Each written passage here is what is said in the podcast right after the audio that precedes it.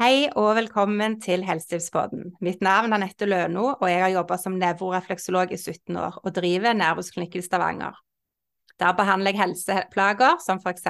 utmattelse, søvnplager, fordøyelsesplager, nedsatt immunforsvar, angst, depresjon, uro, hormonell ubalanse og kroppssmerter.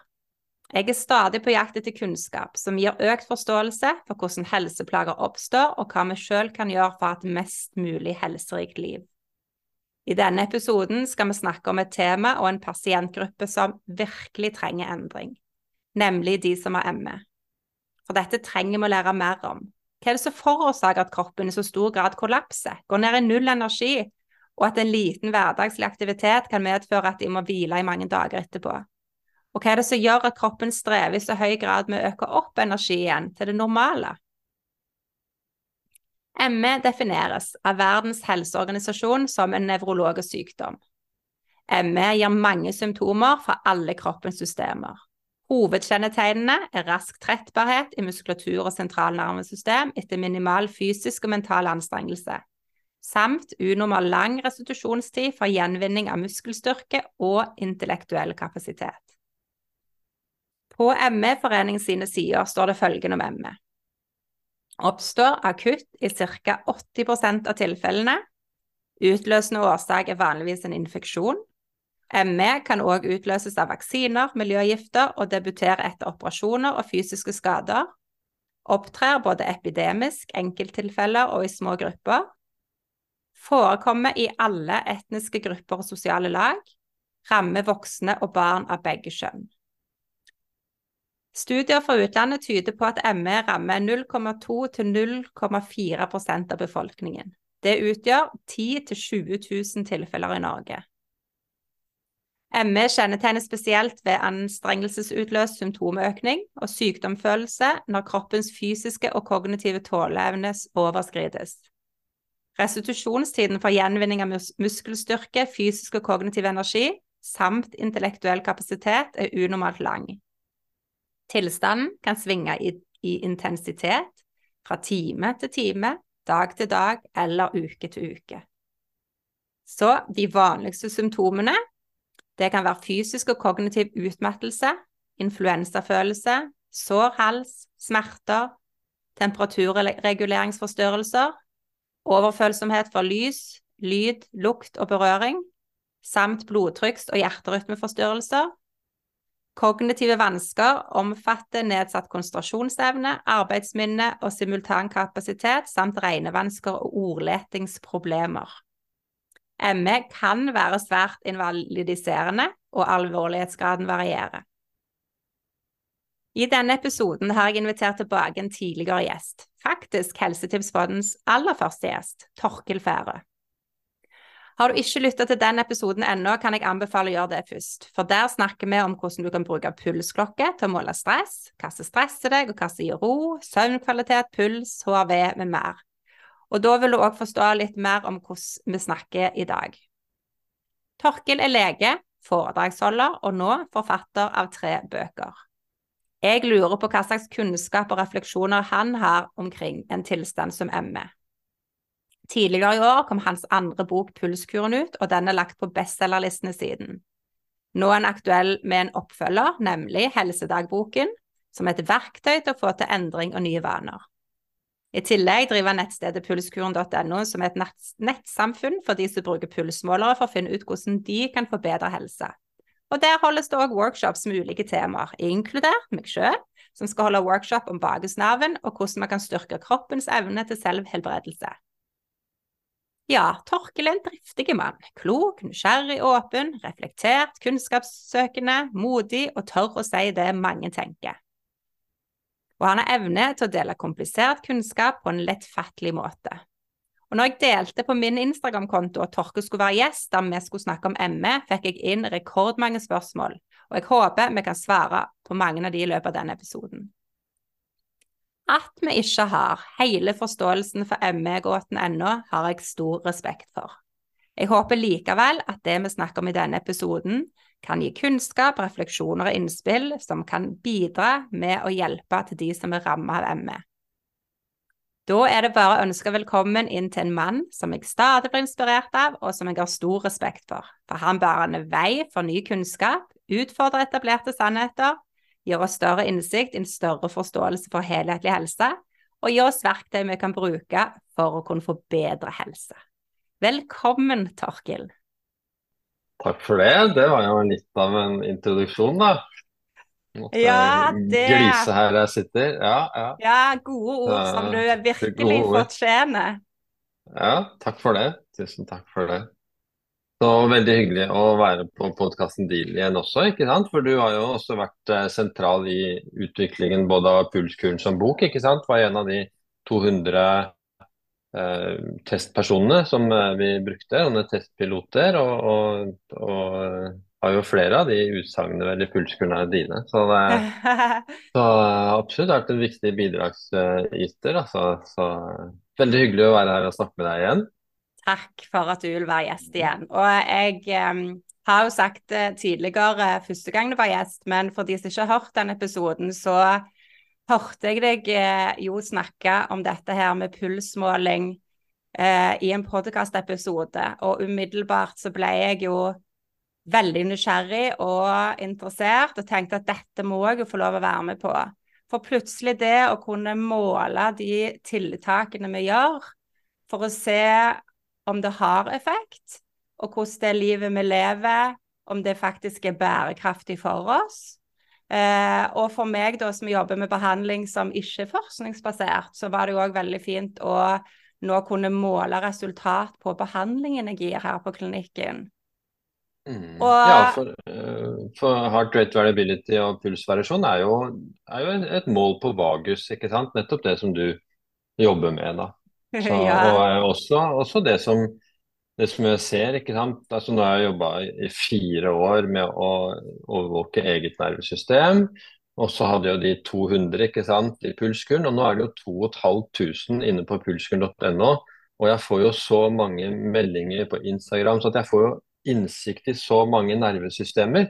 Ja. Ikke sant? At det er jo nesten helt ekstremt. Eh, og, og, da ser jeg jo at et stort hovedproblem er jo mangel på vagusdominans, da kan du si. Eh, at, at, det er nervesystemer som er gått i sympatisk lås, på en måte. og, og hvor folk sliter veldig med å, å komme seg ut av det. Mm. Ja, det er jo fascinerende da at vi lever liv i dag da som plutselig gjør at vi har så problemer med å ta det med ro og klare å slappe av. Og så er jo da spørsmålet må vi slappe av, og hvorfor trenger vi det?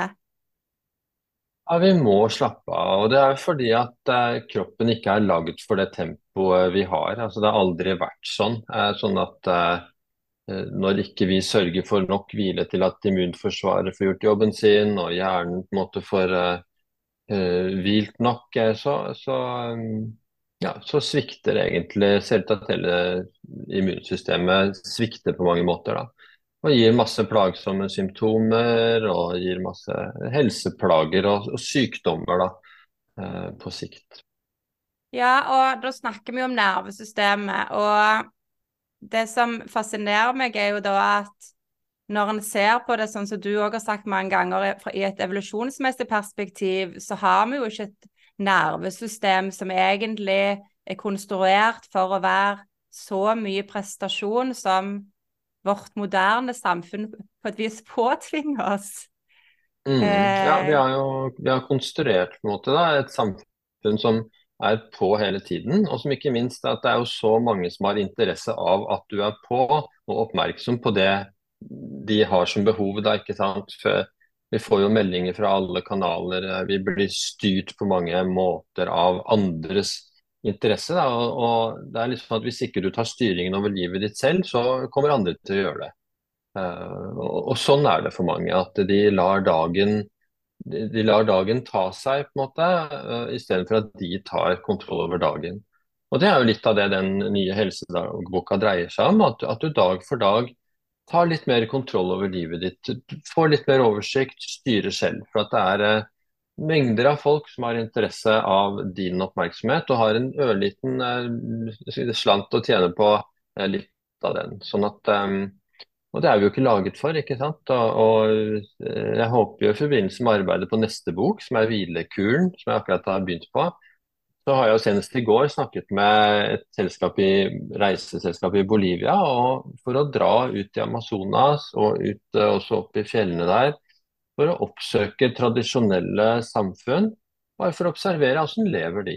Eh, hvordan hviler de? Jeg har jo vært i Amazonas før, jeg har vært i Andesfjellene før. Men da var jeg 25 år og tenkte selvfølgelig ikke på den måten eh, som jeg gjør nå.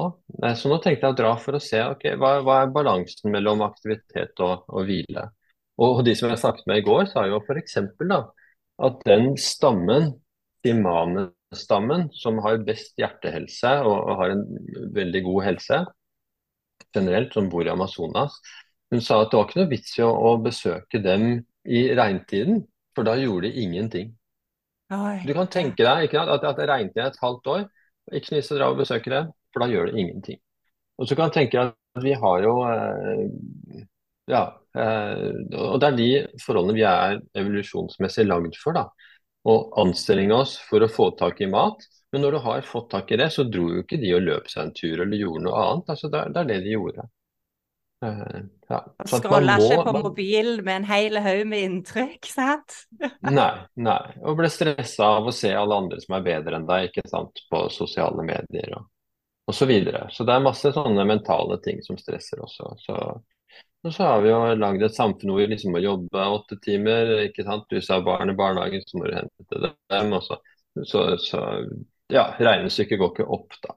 Så, men det var litt av bakgrunnen. da. Nå skal vi snakke om ME, og det er jo selvfølgelig en sykdom som er eh, ekstremt interessant, og som jeg alltid har interessert meg veldig for. Helt siden altså Noe av det første jeg møtte jeg husker jeg. Jeg husker jo fortsatt hjemmepasientene fra første halvår i turnustjeneste i år 2000, så det er jo 23 år siden. Eh, og, og ME-pasienter møter du jo omtrent hver dag på legekontoret. Jeg vil si eh, omtrent én hver dag. Ikke nødvendigvis at du møter dem pga. noe som er direkte relatert til ME. Mm. Eh, men siden de kommer på kontoret og vi har hele journalen, så står det ikke sant, i historikk så står det at denne pasienten har ME eller har hatt ME. Eh, så, er, så, selv om de da kommer fordi at de har fått et kutt eller fordi at de har blitt forkjøla, så, så, får du jevnlig godt innblikk i hvem er ME-pasienter og spekteret der. Og, og, og, du danner deg da selvfølgelig en del eh,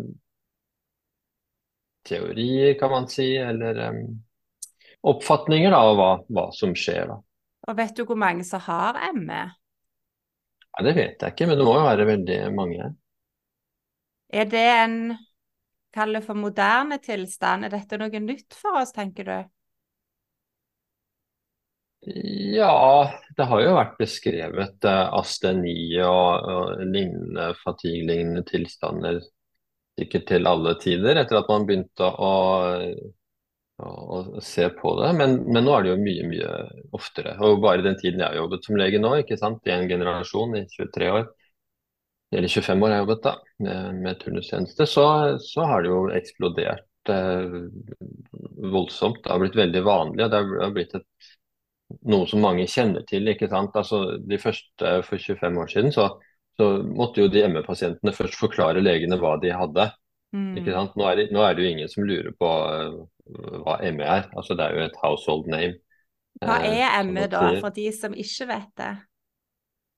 Ja, det kan du si. Eh, det er jo en utmattelsestilstand. Nå er ikke jeg ekspert på de kriteriene bak ME, rett og slett. Men det er jo en utmattelsestilstand. Så de som kommer og beskriver ME, beskriver en veldig slitenhet. Og at eh, ved selv den minste aktivitet så blir de veldig slitne. Mye, eh, de beskriver mye hjernetåke. Eh, ja. Og, i ulike grader, da, ikke sant. Sånn at vi ser jo selvfølgelig de som kommer på kontoret. Men det er jo også mange som ligger hjemme ikke sant, i et mørkt rom med, med tovemaske og ørepropper og, og knapt nok uh, er ute av rommet sitt. Uh, sånn at det er jo også store variasjoner uh, i det bildet, da. I starten, når det begynte å bli snakket om dette her, så var det jo, iallfall ut ifra hva jeg har fått med meg, sånn primært voksne. Men det som uroer meg litt nå, er jo at det òg ned til barn og ungdom nå? Ja, mange, mange ungdommer. 12, 13, 14, 15, 16 år. ja. Og, og, og så er det nok også det at altså ting er kanskje hva som er eh, ME-diagnose med to streker under svaret, men det ender jo ofte opp altså Det som er min erfaring, er at hvis du har en tilstand hvor du er veldig sliten over lang tid, og de ikke finner noen fysisk forklaring på det, så, så, så setter man ME-diagnosen ganske lett. da. Eh, sånn at eh, eh, det, det er, er, det jeg ser, da, i hvert fall. Så, og hvis jeg da hadde kommet til deg som pasient og sagt at uh, jeg tror jeg har ME, hvor, hvor, hvor hadde du begynt henne? Ja, da måtte jeg begynt å, å utrede for helt uh, vanlige ting. Altså, jeg ville utredet, uh, sjekket at hjernelagerne er bra nok. Ikke bare at de er utenfor uh, det som er unormalt. Altså F.eks. 15 i ferritin uh, er jo da på den grensen til hva som er unormalt. Men du kan ha, ha symptomer og slapphetssymptomer mye, på verdier mye over det. Sånn at det er først når du har 50 og mer i ferritin at du kan være sikker på at de symptomene du har, ikke skyldes hjernemangel. At det dreier seg om å få disse spakene på, på jern, på B12 og på D-vitamin høyt nok eh, til at du er sikker på at da er det ikke det. Ikke sant? Sånn at eh, Selv om eh, kriteriene på B12 kanskje sier at det er under 275 eh, husker ikke om millimol per et eller annet, eh, er eh, mangel, så kan du godt ha symptomer selv opp mot sannsynligvis 500-600. Mm. Sånn at man må få, og, og D-vitamin også, helst opp mot 100 D-vitamin. Eh, så, så sjekk først det, ikke sant. Og når du har de oppe på de verdiene, så kan du se etter andre årsaker. Og, og selvfølgelig stoffskifte også må man ha, ha sjekket, da. Eh, Idet en allmennlege har sjekket det, så kommer du ikke så mye lenger da, på allmennlegekontoret. sånn at eh, hvis symptomene fortsetter da, så må du henvise til nevrolog, da. Som er de som eh, tar seg av ME-diagnoser, da. Når de da heller ikke finner noen annen årsak til det. Men så virker det som innen helsevesenet at det ikke finnes, eller det er mange det ikke finnes noen løsninger for. Der alle prøver er fine og um, ja, han får beskjed om egentlig bare gå, gå hjem og hvile og håpe det går over. Og hos mm, noen mm, kan det bli bedre over tid, ja. men Og det er jo derfor jeg blir så nysgjerrig på nå når du har mange av disse inne på pulskuren.no. Hva ser du kjennetegner målingene hos de? Ja, da ser jeg egentlig to ting på målingene. Det er litt fascinerende. For de med ME de har et sjelden si, normale målinger slik som de andre har. Og Det er også noe av det som nå er fordelen, den store fordelen med de pulsmålerne. At endelig så har vi noen mål på det som de faktisk sliter med. Mm. Og det er jo et nervesystem ute av balanse. Um, og det ser ut som de enten har kjempestress, sånn at den minste altså, altså For de som kjenner til hvordan det ser ut på kurvene, så er det oransje over hele linja. Omtrent dag og natt. Bare de går i dusjen, så er det like mye stress og like høy puls som, som vi andre har hvis vi tar en joggetur. Ja, oransje betegner jo, sant. Det er bare for de som ikke kjenner til det. sant? Oransje betyr jo egentlig at kroppen er i, i stressmodus. Ja, det stressmodus. Og så er det ønskelig å komme ned i det blå, som betyr at vi er i en avslappa tilstand. ja, tilstrekkelig. Så at når du har en en, del, en andel av blått og en andel av oransje, så ser du at du har tilgang på både parasympatisk og sympatisk aktivitet. Og, og, Det som ser ut på dem, da, er at de har utrolig liten tilgang på parasympatisk aktivitet. Da. Så Det er jo en av fordelene at endelig så har vi et mål som gjør at vi kan se hva de snakker om. Fordi at det, det kan ofte være utrolig vanskelig med ME-pasienter. fordi at det som også det kan hende at vi kommer tilbake til, men det er en del felles ting med ME-pasientene som andre pasientgrupper ikke har. Eh, et eksempel på det er at de kan komme på kontoret. De kommer som regel på slutten av dagen. De har på en måte samlet krefter og våknet og, og, og, og så videre. Og kommer på slutten av dagen når jeg er sliten. Ikke sant? Så jeg er jo som regel mye mer sliten enn dem. Altså sånn objektivt sett når vi møtes da klokka tre som, mm. som siste pasient. Eh, og, eh, og da er de ofte en, en slags sitrende energi i rommet. Altså jeg, jeg opplever da mange av dem veldig energiske. Veldig kraftig utstråling. Uh, og, uh, og, så, og, så, sier de ja, men du skulle bare sett meg i går, og du skal bare se meg i morgen og dagen etter. Jeg er helt utslått, jeg kan ikke røre meg. Og Så sier jeg men vær så snill, da, kan du ikke, kan du ikke komme da? At jeg, jeg, trenger å se deg og ta målingene når du har det sånn, og ikke mm. når du har det sånn. Hvor, hvor, hvor, det ikke er mulig. Og jeg ser jo slappe folk hele dagen. ikke sant? Jeg ser slitne folk hele dagen. Det er ikke mulig å se på deg at du er sliten. Du, du ser mye mer energisk ut enn meg og de mm. andre 20 pasientene jeg har hatt, eller 25 pasientene jeg har hatt før i dag. Så, så, men det gjør, det, det gjør, de ikke, da. Eh, sånn at det, det, er en del sånne Og det har gjentatt seg og gjentatt seg, da. Eh, og da er det jo en sånn er... høy mobilisering av krefter og produksjon og hormoner som girer de opp for å gjerne holde ut den halvtimen på legekontoret, mm. da. Ja, og så kan du beskrive at nå etter dette her er utsatt i to dager. Ja, men kan du ikke komme i morgen, da? Så, jeg, jeg, vi, vi, vi, må ta målinger, vi må se hvordan det er da. Nei, det, det skjer liksom ikke. Så, så, så, det er også interessant. Men nå har vi da målinger er både fra, tilgjengelige både fra når de er på kontoret og ikke på kontoret. Og vi ser jo også at mange av de tingene, de tipsene fra pulskuren, kan også være gir mer stress da, enn det andre. F.eks. kuldebad, kuldedusjer. Ser vi at når, når de med ME eh, vil ha full fart på det eh, og ta en kald dusj, så får de en annen type stressreaksjon enn det, enn det andre gjør. da. Altså, de blir kanskje mm. mer stressa der hvor andre blir roligere av det. Så Det er tydelig at det er et nervesystem som, som krever en helt spesiell eh, tilnærming. da. Og Det krever ikke minst mye tålmodighet. Og tålmodighet er også noe av det ofte ME-pasienter ikke har så mye av. Så det ligger ofte en veldig frustrasjon, en veldig evne til frustrasjon, en veldig utålmodighet eh, i bånn her. da. Så Det som er typisk også ME-pasienter, er at de er veldig slitne, og så føler de seg litt bra en dag, og da er de ute på joggetur. Da er de ute og handler og gjør alt de ikke har gjort, og så går de på en smell igjen. For hundrede gang. Mm. Eh, liksom. Sånn at Eh, den utålmodigheten den der, som, som, også ligger i det, at endelig har de, føler de seg bra en dag. Oi, da utnytter vi den maks. Og så er de tilbake igjen på å være utslitt.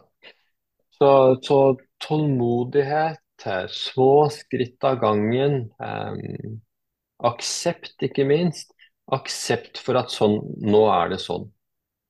Jeg skulle ønske for alt i verden at ikke det var sånn, men jeg må først for at det skal bli endring, så må jeg først akseptere at jeg er i denne situasjonen. Virkelig akseptere det, og starte der, da. Og det er også noe som er, er veldig vanskelig, da. Så, og jeg har jo um, Jeg vet jo, kjenner jo veldig godt til um, disse Hva kaller man det innenfor ME? Dette voldsomme temperaturen der, altså. Uh, konfliktnivået, ikke sant. Sånn at det kjenner jeg godt uh, godt til. Og Det er jo en så iherdighet og pågangsmot og ønske om å bare bli friskere som ligger der. Mm. Eh, og det ser jeg i mitt arbeid på klinikken òg. Ofte når jeg gjør, gir vagusbehandling, så sier jeg hvis du nå fører masse energi etter behandling, ikke gjør noe. Nyt ja. den følelsen av, av et ja. uh, mer overskudd, for nå skal vi ikke bruke opp noen ting. Nå skal vi bygge opp et mm. reservelager. Pleier ofte å beskrive det med litt som en bensintank. da, at Vi må fylle opp reservetanken før en hele tatt kan begynne å bruke noe ekstra. Mm, absolutt. Og så er det noen ganger de kommer tilbake, så har de varsna hele kjøkkenet. det, er en, det er en iherdighet. Nettopp. Ja, absolutt. ikke sant? Og når det gjentar seg, da, som en lege, klinisk lege, da, ikke sant? så når det gjentar seg igjen og igjen og igjen og igjen, nettopp det du sier der, bare med ME-pasienter, mm. 100 av dem, så ser du at dette er noe av problemet. det er ikke tilfeldig det du akkurat beskrev nå, at de endelig følte litt overskudd, smøkk rett på vaskekjøkkenet. Mm. Eh, sånn at eh, det, det, gjelder å være veldig tålmodig. Hvis du føler litt overskudd, så, så ta vare på det. Vent. Ofte så har de vært langt, langt nede i reservetanken. ikke sant? De, de går bare på, på, dieseldampen, på en måte. Mm. ikke sant? Eh, og, og, og, det er akkurat som du sier, du, du må først fylle opp reservetanken, det er enda langt igjen dit. Og så må du begynne å fylle opp faktisk på tanken. Og, og, først når du på en måte har nærmest full tank, da kan du begynne å ta av overskuddet. Mm. Eh, sånn at um, og, og, Det er kanskje en av hovedutfordringene da, som, som, som jeg ser. da. Uh, og, og, når jeg snakker nå, så må jeg bare snakke ærlig ut fra det som jeg ser, og som jeg har observert fra hundrevis av ME-pasienter. Det er ikke sikkert det er noen fasit, og mange kan sikkert være uenig i det. Men, men um, nå har du spurt meg, og da, da kommer jeg med, med mitt svar, da. Ja, og vi har jo ikke noe fasit, noen av oss, og det er jo individuelt. Men det er derfor jeg hadde lyst, lyst til å snakke om det. For det at det å ha en åpenhet rundt det, ha noen refleksjoner og bare lære mer for at folk unngår å få mm. ME, og òg få disse tilbake mm. igjen i, til livene sine. Ja, ja. og ME-pasientene har jo også en påfallende lik inngangsport. Mye likere enn andre sykdommer vi behandler. Eh, og det som er typisk, er at de har vært eh, litt sånn ADHD-aktige eh, i temperamentet. Høyt tempo, høy innsatsvilje, aktiv på mange områder. Når de, når de beskriver sånn som de har levd før de har fått smellen, så er det sånn at jeg, jeg, hadde, jeg hadde ikke hatt sjans. Og jeg er en ganske aktiv person. Jeg, jeg hadde aldri klart å gjøre det de har gjort med det tempoet. Og så har det kommet en episode, gjerne et virus, f.eks. Um, kyssesykevirus, eh, eller en annen sykdom som har satt dem ut en tid. Eh, men de har likevel villet gjøre like mye som de gjorde før de ble syke, selv om de ble kjempeslitne. Sånn at de har på en måte trukket det, det fysiologiske kredittkortet ganger 100, eh, og, og, så smeller det. Og da smeller det skikkelig. Og det som jeg hørte en podkast for ikke lenge siden som gjaldt hvor lenge kan du overkjøre nervesystemet på den måten mm. før, før, du liksom er satt ut over lang, lang, lang tid. Og det var snakk om åtte uker. Sånn at hvis du kjører så heftig på reservetanken i, i åtte uker, så smeller det skikkelig. Og det kan nok ha noe å gjøre også med at det er det er litt av den si, eh, rotasjonen på, på, immunforsvaret. altså Immuncellene våre de har en ganske høy rotasjonstid. Nå ser jeg ikke akkurat hvor lenge, men du snakker nok om to-tre måneder før de fleste av de aktive immuncellene er resirkulert. Sånn at på to-tre måneder så har du slitt ut ditt nåværende eh, immunsystem, kan man si. Man kan sikkert ikke si det rent sånn medisinsk, kanskje, men, men Eh, i, i praksis eh, så, så, kan det se sånn ut eh, for meg, da. Så, og, og, da tar det kjempelang tid å komme seg tilbake. Da. Sånn som Audun Mysja sier at du kan tøye strikken langt, og, og, det er ikke så vanskelig å komme seg tilbake igjen. Men hvis strikken ryker, ja, da mm. har du en lang, lang, lang jobb å gjøre. Og da er det iherdig arbeid over lang tid, med små skritt av gangen, nettopp det ME-pasientene har vanskelig for å, å akseptere. Da. Så, så tror jeg nok for mange da at med å vite det, så iallfall min oppfatning av alle disse her at de er jo veldig smarte. Sant? Den der drivkraften som har fått de til å stå på og få bruke. Ja. De er supersmarte, og det er nettopp det jeg ofte snakker om eh, av og til at de er de beste av oss. ikke sant? Så at Problemet er ikke bare at de havner på en måte i en seng i et mørkt rom, men problemet er at dette er de med høyest potensial av oss. Og det mm. ser vi jo som regel at når de får kommet seg ja, for det er mange av dem som blir friske. Noe av det som er håpløst i bildet, er jo at de blir fortalt at du, dette kan du ikke bli frisk av. Mm. Og det stemmer ikke, altså. Jeg har hatt masse ME-pasienter som er blitt friske. Og Da vil jo ME, en del ME-aktivister si at ja, men da var det ikke ME. Men, men det tror jeg ikke. altså. Sånn at de, så, som sagt, Problemet er ikke bare at vi har, får noen som blir syke og ute av drift, men at det er nettopp de som har høyest drivkraft som havner der. Så hvis vi klarer å stoppe det eh, og får utnyttet disse superkreftene som de ofte har, for det ser vi jo at når de får bli friske, så har jo de og, og får på en måte kontroll på den villhesten av energinivå de har. Så, så, er det jo liksom fra ME til EM. Altså Da har de jo kjempekrefter, altså. Eh, fra sånn ME til EM, det var godt sagt. Fra ME til EM, ja. Så, og så nevnte så... du det med virus, for der er det jo én ting å kyssesyke. Og så ser jeg jo mm. av andre ting som kan spille inn, så er det gjerne sant at han har hatt sopp i huset, høyt radonnivå, ja. Eh, spiser mat med mye tilsetningsstoffer. Eh, mm. Hva andre ting ser du som kan være med å stresse systemet såpass mye? Mm, det er jo hovedsakelig de tingene nevnte der. Nå er det jo covid, selvfølgelig. ikke sant? Og det er jo som du har vært eh, inne på før, at, eh, at eh, det ser ut som viruset rett og slett angriper vagusnerven ikke sant? og gjør vagusnerven dårligere. Um, så, så, da gjelder det å Og det ser vi jo masse av, folk som får eh, long covid. Og da gjelder det rett og slett å, å dette jeg snakker om at akseptere ok, nå er det sånn. Jeg er blitt rammet av et um, virus, og nå, nå, er tilstanden et punkt som jeg ikke ville ha ønsket å ha. Um, og Så må man bare starte på dette utgangspunktet, da.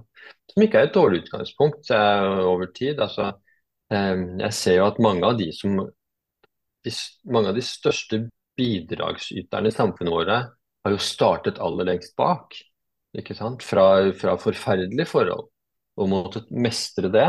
Og gjennom å mestre så vanskelige ting, så er de blitt uh, utrolig dyktige da, på mange måter. Så det å ha hatt ME er ikke nødvendigvis et dårlig utgangspunkt for hva du kommer til å gjøre resten av livet. Mm. Etter at du er blitt uh, bra, da. Så um, og mm. der er det et spørsmål som har kommet inn. Hva gjør jeg med ME da, som bare alltid er i stress, og på disse målingene viser oransje 24 timer i døgnet? Er det noen mm. tiltak der en kan gjøre for å få styrke nervesystemet til å få komme over i mer hvile igjen, da, så du ser det funker for mm. mange? Ja, det, jeg ser jo det at uh, f.eks. Um, antiinflamatorisk kost uh, hvis, hvis, nervesystemet er sånn, så ville jeg i hvert fall tatt prøve på lab-1, Uh, som i hvert fall er det eneste jeg har hørt om. Uh, det kan godt hende det finnes andre labber også. Eh, for å teste for har du en matintoleranse. Jeg vil si at i en sånn situasjon så er sjansen så stor for at du har en matintoleranse at den prøven bør man ta. Eh, og se etter om man da på en måte har eh, lekt harm Eh, og matintoleranse for oss å starte der. Og, hvis, og det er en stor fordel. Og hvis du ikke har det, så har du også lagt én årsak bort. Så det går også på å eliminere årsaker. Eh, ikke sant? Sånn at både positivt og negativt svar på den prøven er supernyttig. Da vet du at ikke det er det. Det er ikke vits å bruke krefter på å teste om tåler du melk eller eh, krabbe eller gluten eller hva det er. Eh, ferdig med det. Eh, og du kan begynne å konsentrere deg om andre ting. Eh, eh, og da gjelder det å ta ett skritt av gangen, eller you, you, inch your way forwards, som de sier på engelsk. En centimeter av gangen. Og da går det gjerne på pusteteknikker, altså de rådene som er i pulskuren. da. Så det er ikke noe annet enn det, det er de samme rådene som er i pulskuren. Um, men du må kanskje ta færre, kortere skritt av gangen. Uh, pusteøvelser, um, kjølige bad. Kanskje kan du bare ta litt kjølige dusjer. Senke temperaturen litt inne, sånn at du er litt kjølig. Og ikke minst se etter forskjell. Se etter en forbedring på, en måte, på stressnivå f.eks. fra 70 til 60. Der hvor de andre kanskje ser etter en forbedring. Der hvor de andre, en annen person, kan være stressa og gjøre noe skikkelig stressende legge seg på sofaen, og smakk, så går det i blått. Mm. Men hvis du er i denne situasjonen, så må du kanskje være fornøyd med at stressnivået går fra 70 til 60 mm. istedenfor 70 til 20. Så du må, du må, starte ok, hva er det som får det til stresset til å bli litt mindre, da? Eh, ok, Sånn at det har en 20 minutters pusteøvelse, så, så, gjør du det. Er det kanskje en meditasjon? Og så er det ikke sikkert at det hjelper deg. Kanskje det som hjelper deg, er å høre på musikk, ikke sant? Eh, kanskje gjøre noe som du er interessert i, kanskje være sammen med noen. Fordi at når du er Noe av det som er problemet med ME, er også det å trekke seg tilbake. Og det å trekke seg tilbake og være ensom er jo et kjempestress. Sånn at kanskje bare det å ha mer kontakt med noen eh, kan også være veldig viktig. Eh, og så er kanskje det slitsomt eh, der og da, men det kan godt hende at det er noe som forbedrer hormonene. Oksytocin, ikke sant? serotonin osv. Som kan hjelpe deg ut av det. En av de som en fant ut i pulskuren, var jo at uh, den personen hadde jo trodd at hun var mer stressa når hun var sammen med folk, og roligere alene. Og så viste det seg at det var helt motsatt.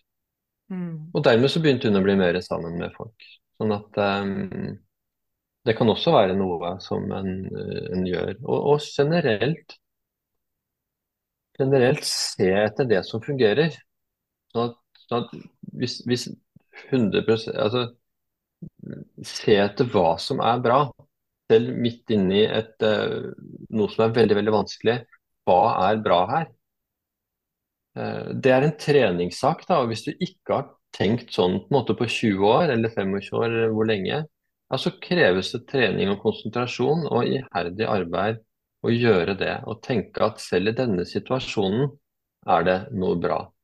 Uh, og det må du trene deg opp til, eh, fordi at du har eh, ufrivillig kanskje trent deg opp til noe annet i de første 25-30 årene hvor du har blitt, blitt eh, trigget av frustrasjon, av bitterhet, av negative tanker og osv. Hvis det kommer veldig naturlig for deg, så har hjernen lagd en slags highway ikke sant? Eh, nerves that uh, fire together, wire together. Så hjernen har laget en superhighway mot de tankene. Og de nye måtene å tenke på, uh, det koster deg krefter. Å, rydde den stien, å lage en ny sti i hjernen, koster deg krefter. Men over tid er det langt mer slitsomt å ikke gjøre den jobben der. Uh, selv så kan jeg huske at jeg var innlagt, altså jeg fikk tarmslyng faktisk fordi at jeg tok pushups. Så fikk jeg faktisk tar tarmslyng, utrolig nok. Eh, han kirurgen sa han har aldri sett noe sånt før. Eh, men da husker jeg lå på fem Altså jeg ble hele tiden prioritert bakerst da, på operasjonslista. Og på slutten, det var så vondt, jeg var så dårlig. Jeg var så dehydrert og kasta opp. Og, men og så på klokka som hang på veggen der som gikk liksom minutt for minutt. ikke sant? Liksom, så tenkte jeg likevel at en dag rett før jeg skal dø, så vil jeg kanskje til og med ønske meg tilbake til dette øyeblikket. Altså, vi er så heldige at vi puster, kan tenke, kan, kan oppleve og leve. Om, kanskje er vi døde om 40-50 år, vi kommer aldri til å ha en tanke i hodet etter det. på en måte.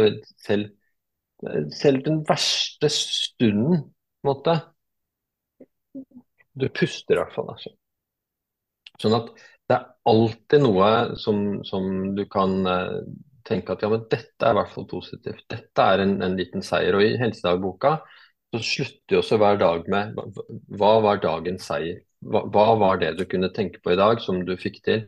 Og, og om du er ME-pasient, så hva, kan du legge den grensa kanskje helt ned til Jeg så en, jeg så en, en, en vakker blomst ut av vinduet her. Mm. At, og, og, bare det å trene seg opp til det, uh, tror jeg kan ha en, en, god hjelp. da. Ja, og det å trene seg opp på å finne noe positivt, som du sier, skape endring i struktur i hjernen, som gjør også kanskje at vi får tilgang på de hormonene som sant, aktiverer rosystemet, og igjen sant, gir oss tilgang på serotonin, som gir mer tilfredshet og glede og, og, og, og ro. Eh, så selv om det høres kanskje litt rart du skal ligge her og være takknemlig for et liv i, i, i et mørkt rom. Eh, men det handler jo om å endre strukturen som gjør at kroppen får lov å fungere på en bedre måte for deg. Så det har en hensikt. Absolutt. ikke sant? Fordi at når du er frustrert, når du er bekymret, når du er sint og forbanna, eh, så trigger du kortisol. Ja, du trigger hele systemet som, som, eh, som øker kortisolnivået, øker stressnivået, og, og, og gjør at immunforsvaret blir eh, uregulert, er dårlig regulert. Da. I det, du, i, i, i det du føler velvære, ser noe du er takknemlig for, eh, så, så, roer det systemet seg i, i en eller annen grad. Da. Eh, for det er sånn at immunforsvaret ligger i forkant. Immunforsvaret vårt er ofte kalt vår andre hjerne. Og, og det sitter ikke passivt og venter på at det skjer noe. Sånn at det, for det er utviklet gjennom millioner, altså hundrevis av millioner av år. er immunforsvaret vårt er utviklet gjennom. Og det har vært sånn at når en organisme da, for 100 millioner år siden, av våre forfedre, er bekymra, sint, frustrert, så er det gjerne i forkant av en situasjon som innebærer økt risiko for en skade eller infeksjon. Og Dermed så har immunforsvaret mobilisert eh, og, og, og, står på en måte klar til at her skjer det noe. Eh, og i evolusjonen så har det jo da skjedd noe. Ikke sant? Det har vært en konflikt med nabostammen, eller det har stått en tiger eller et eller annet eh, rundt hjørnet. Det har kanskje vært en knallhard tid som, hvor de har trengt eh, å mobilisere alle ressurser. Men så har det roet seg igjen. Og når du har det systemet stående på kontinuerlig dag ut og dag inn over årevis, så, så blir det helt ødelagt. Da, da, da på en måte uh, fungerer ikke det systemet lenger. Da. Sånn at uh, vi stammer fra individer som er kjempegode på å stresse. Jeg leser senest i dag uh, i, i, på en eller annen avis at på et tidspunkt i menneskehistorien så var det 1280 mennesker, dette kan de se fra DNA, var 1280 mennesker for ca. 900 000 år siden som overlevde. Så alle vi som lever i dag, er etterkommere av de 1280. Nå har det gått i DNA og sett seg tilbake. Eh, så før det så var det liksom eh, en million mennesker, eller ca. 100 000. Og så kom det en så knallhard tid, og det kom i forbindelse med at polene snudde seg, og at det ble tørt og kaldt i en periode på 100 000 år. Og de 1280 beste folka våre overlevde mm. og brakte genene våre videre. Og de må jo ha hatt en kjempeevne til å, å mobilisere, ikke sant. Sånn at, eh, men for mange i våre dager så har det systemet gått i lås. Altså, vi må, og hvis det først har gått i lås, så må du være enda mye flinkere på å roe ned enn andre. Sånn at den som du beskrev, som endelig fikk slappet av og så gikk rett på husvasken, de, de, må, de må være enda større grad enn andre må de eh, være tålmodige og, og slappe av og trene seg på det. Ja, det handler jo om å lære på et vis oppdra nervesystemet igjen da til å Det er ro, det er trygt, dette går fint. Og hvis vi bare mm. med en gang øker på med noe, så vil gjerne nervesystemet høyaktiveres og bare wow, fare, fare, nå må vi mobilisere krefter igjen. Og, jeg, mm. av erfaring har ikke peiling når du har tenkt å hvile igjen. Så her er det bare å fyre opp. Mm. Ja, nettopp. Det er akkurat det som er. Og det, og det, som da er den helt fantastiske fordelen, og grunnen til at det er jo ME-pasientene som i aller størst grad takker meg, og som i aller størst grad skriver at, at livet mitt er helt forandret. Mm. Eh, takket være pulskuren. Sånn at det eh, For at endelig så har de et objektivt mål de kan styre etter. Ikke mm. sant? For ofte, det viser seg jo at ME-pasienter ofte er de som har vanskeligst for å tolke signaler fra egen kropp av en eller annen grunn. Eh, slik at da, Når du da får en, et objektivt instrument som kan eh, fortelle deg noe om dette her, så er jo det en, et fantastisk verktøy for, mm. eh, for ME-pasienter.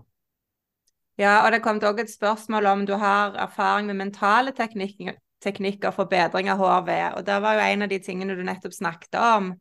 Og så syns jeg jo, hvis jeg skal nevne et sånn konkret verktøy, så har jo Herman Egenberg lagd noen lydfiler som går på takknemlighet. Som jeg mm. Eh, sjøl har brukt mye, som utrolig fin måte å få tak på disse følelsene, da. Eh, for for mm. mange kan det kanskje være vanskelig å bare ligge OK, skal jeg lete etter noe eh, som er fint, men jeg syns ikke noe er fint. Men det der å ha en lydfil da som er satt i en struktur som gjør at en får hjelp til å trene opp dette her, kan være kjempefint. Mm, mm. Og så mens vi snakker om det, så er det at det ser ut som nervesystemet ikke er normalt, og at mange har knalloransje kurver. Men så har du også en, en andel som har knallblå kurver. Ja. Blått, blått over hele linja. Har du også vært borti det? Ja, og det ja. er jo sant, de har samme symptomene i høy grad, og er helt utslitt, de òg. Ja. Ikke sant? Ja, og det er jo interessant at vi har sett det samme, ikke sant. Eh, at eh, du har De er liksom ikke i midten. De er enten knallaktivert eller helt uaktivert. Ser helt blått ut. Uh, og uten at jeg kan komme med noen god forklaring på det, men i hvert fall så ser jeg at det er begge deler.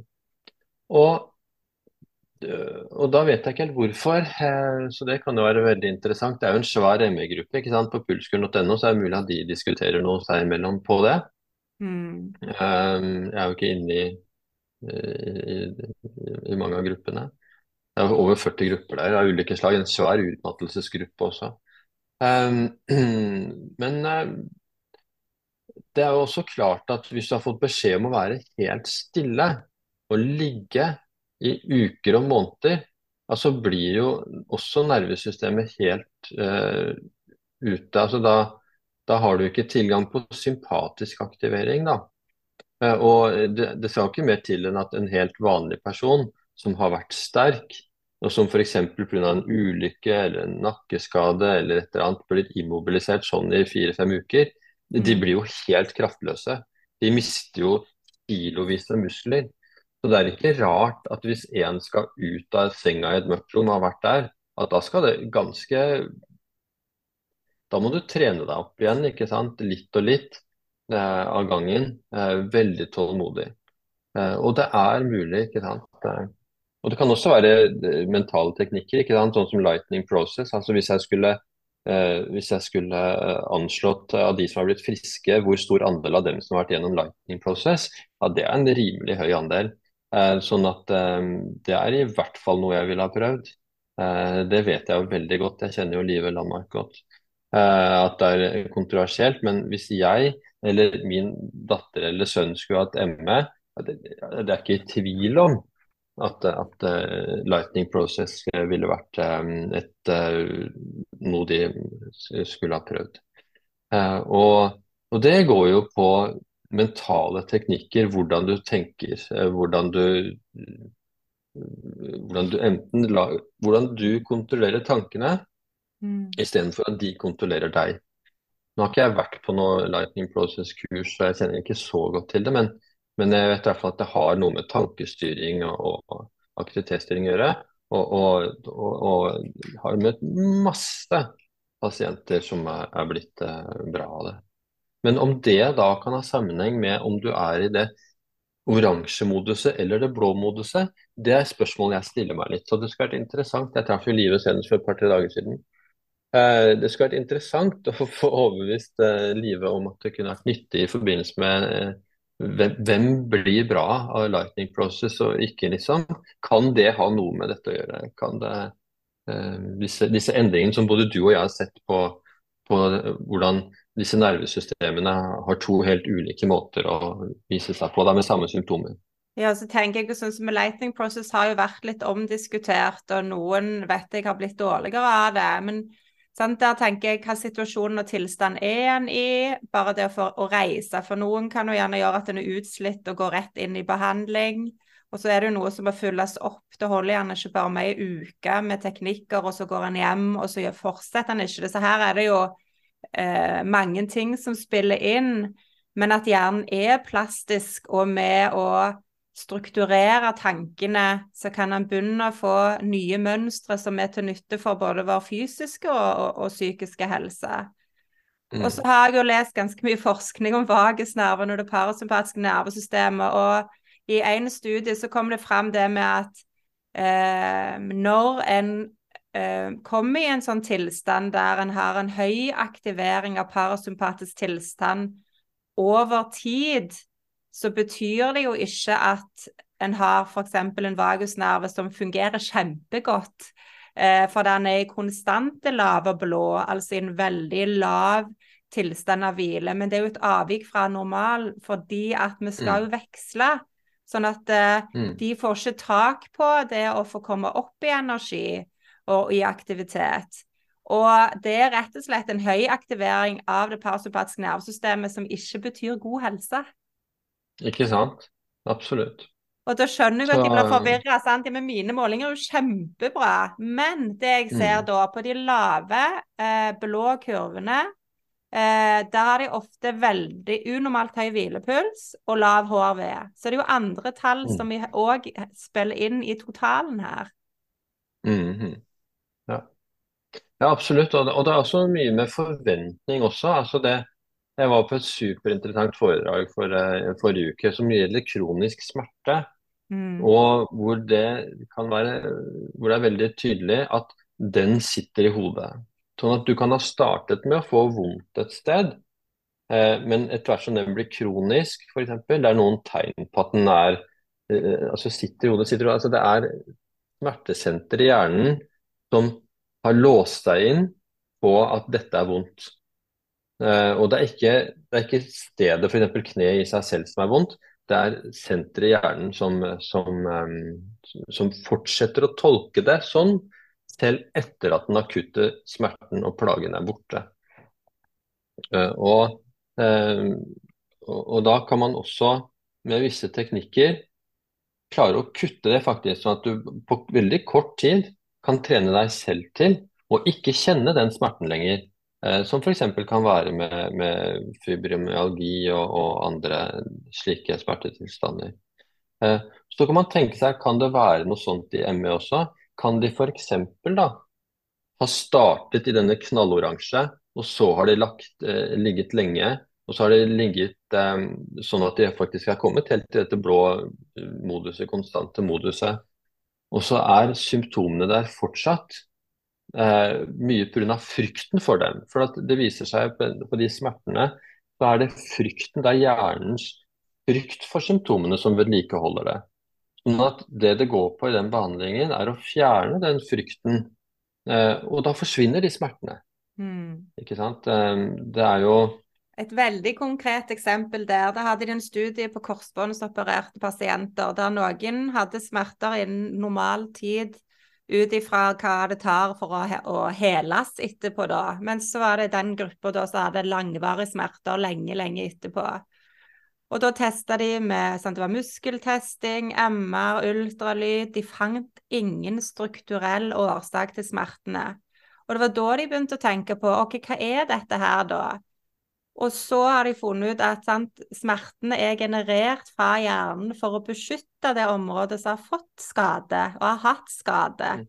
Og så er det et eller annet som skjer hos noen da, som gjør at det fortsetter å beskytte selv når knærne er, eller kneet er helt uh, hele. Og da i dette eksempelet så hadde de fysioterapeuter inne med trening der kroppen med hjernen trengte å erfare at den belastningen du har, er trygt, og så forsvant smertene. Og så var de vekke til evig tid etterpå. Nettopp, nettopp, nettopp det der. Så det er eh, akkurat det som du beskriver som han var så god på. Og dette er jo da en av verdens ledende. Han heter altså Howard Schrubiger. Eh, jeg husker ikke hvilket universitet han er professor på, men den burde du kanskje lenke til. Eh, sånn at, for at han har massevis av eh, foredrag på YouTube at Hvis man er interessert i det vi snakker om nå, så er han eh, autoriteten på, på dette her. Og han sier jo at dette, altså Hvorfor er det sånn? Jo, det er fordi at hjernen det er fordi at du er et menneske. Og, og det er fordi at hjernen prøver å beskytte deg. Eh, hjernen har erfart at det har vært vondt, og så prøver den å beskytte deg mot at det samme skal skje igjen. Det er bare det at denne tingen som har vært nyttig for eh, folk helt opp til de 1280 som vi snakket om, ikke er nyttig i dag. Mm. Eh, sånn at eh, men det, og, og, og, kan det ha også noe med, denne, med ME å gjøre? Kan det f.eks. i Lightning Process, kan det at en del av greiene går på å fjerne den frykten, og så plutselig så kan de gjøre alt, ikke sant? Men er det da de ME-pasientene som har blå kurver, eller oransje kurver? Det hadde jeg vært veldig interessert i å vite om. For jeg kan godt tenke meg at de som da hadde blå kurver, eh, og, og hvis vi da skal koble det opp mot dette med smertetilfellene, da, eh, hvor, det, eh, hvor måte den akutte situasjonen er over, men frykten for det er igjen. Og så når man blir kvitt frykten for det, så kan man plutselig gjøre alt. Mm. Eh, og er, det, er, noe av grunnen til at andre ikke gjør det, er at de er i dette kontinuerlige stressmoduset. Og de er ikke i, i den posisjonen. De er, de, den akutte problemstillingen er der på en måte fortsatt. Eh, og det er derfor ikke det blir bedre av det. Ja, og så er det jo sant, Før har det jo gjerne blitt fortalt mange at uh, nei, vi finner ingenting på blodprøver, vi finner ingenting fysisk, så da sitter det bare i hodet. Og ofte vil en gjerne mm. tenke at betyr det at, du, at jeg innbiller meg dette? Men det er det jo, sant. Jeg tenker at egentlig har han hatt rett da. ja det sitter i hodet, men det er hjernen mm. rett og slett som eh, genererer smerter eller holder nede energien i Mm. Kanskje et mislykka forsøk på å prøve å beskytte oss for noe som ikke nødvendigvis mm. er en fare lenger. Ja, absolutt. Og hjernen betyr jo at Man kan jo ikke si det sitter bare i hodet. Eh, hjernen er jo universets eh, foreløpig mest eh, avanserte instrument. så at Man kan jo absolutt ikke Man kunne sagt at, at det sitter bare i kneet, det kunne man kanskje sagt. Men ja. bare i hodet, det, det, blir jo ikke helt riktig. Det, for hodet er såpass avansert og med så mange uh, irrganger uh, at det, det, Altså, hvorfor er Haaland Haaland liksom i fotball? Mm. Ja, det sitter jo, sitter jo, i hodet. Ikke sant? Altså, han har det, har det i beina òg, men, men, kanskje mer enn at det sitter i beina, så, så sitter det i hodet. Det samme på Ronaldo, samme på Karsten Warholm. ikke sant? Det å holde ut selv om melkesyra sprenger på. Ikke sant? Det sitter i, både i beina Eh, men det sitter i, i, hodet også. Og melkesyre, ikke sant. Det er jo også, Når vi snakker om ME, så er jo også melkesyre også en ting. fordi at det viser seg at de som har eh, ME, eh, de får melkesyre av mindre belastninger. da. Og noe av det vi veldig fort ser på målerne på Garmin-klokkene, er jo at melkesyre, f.eks. en treningsøkt som gir deg melkesyre, er mye mer belastende enn en treningsøkt uten. Sånn at eh, jeg prøver jo alltid f.eks. å løpe i sone to. Eh, vil si at jeg løper uten å få melkesyre av den økta. Eh, sånn at eh, det er også noe som er viktig for ME-pasienter, at, at, eh, en anstrengelse som de gjør, kan gi melkesyre. Da. Og det kan også være en del av problemstillingen. Da. Ja, og det er jo det der å Sant? Ikke presse seg for mye, for det er de jo så gode på. Da er det jo fint å bruke klokka òg, bl.a. for å på måte mm. ha kontrollen på hvor mye Hvordan skal jeg holde meg unna den, eh, det nivået, sånn at en ikke får mm. melkesyre òg. Ja. Så um, absolutt.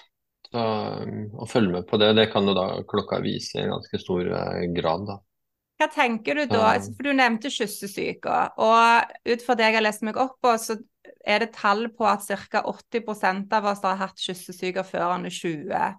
Hva er det mm. som gjør at kyssesyke kan slå ut så heftig på noen, eh, og andre ikke? Har du tanker på det? Ja, ja, det har jeg tanker om. Og det vil jeg tro har noe med en slags sårbarhet. Sånn at, um, sånn at de som får kyssesyken og da bare legger seg til helt til de jeg håper jeg er friske nok, eh, så vil det nok i større grad passere, da.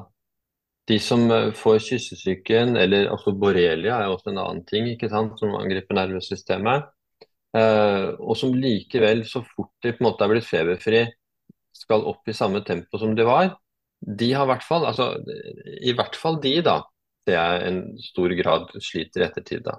Mm, det, har jeg det, kan sikkert være andre òg, men Men hovedsakelig de som jeg møter som sliter lang tid, de har da hatt en, en personlighet og en måte å gjøre ting på som gjør at ja, som sagt, kyssesyken som sikkert kan dra ut i seg sjøl i seks-sju uker, eh, så har de så snart feberen er, håper jeg, jeg inntrykk av så snart feberen er kommet under 37,5, så er de tilbake på jobb. og de har mindre krefter, men da henter de bare enda mer krefter fra kjelleren, eh, mm. osv.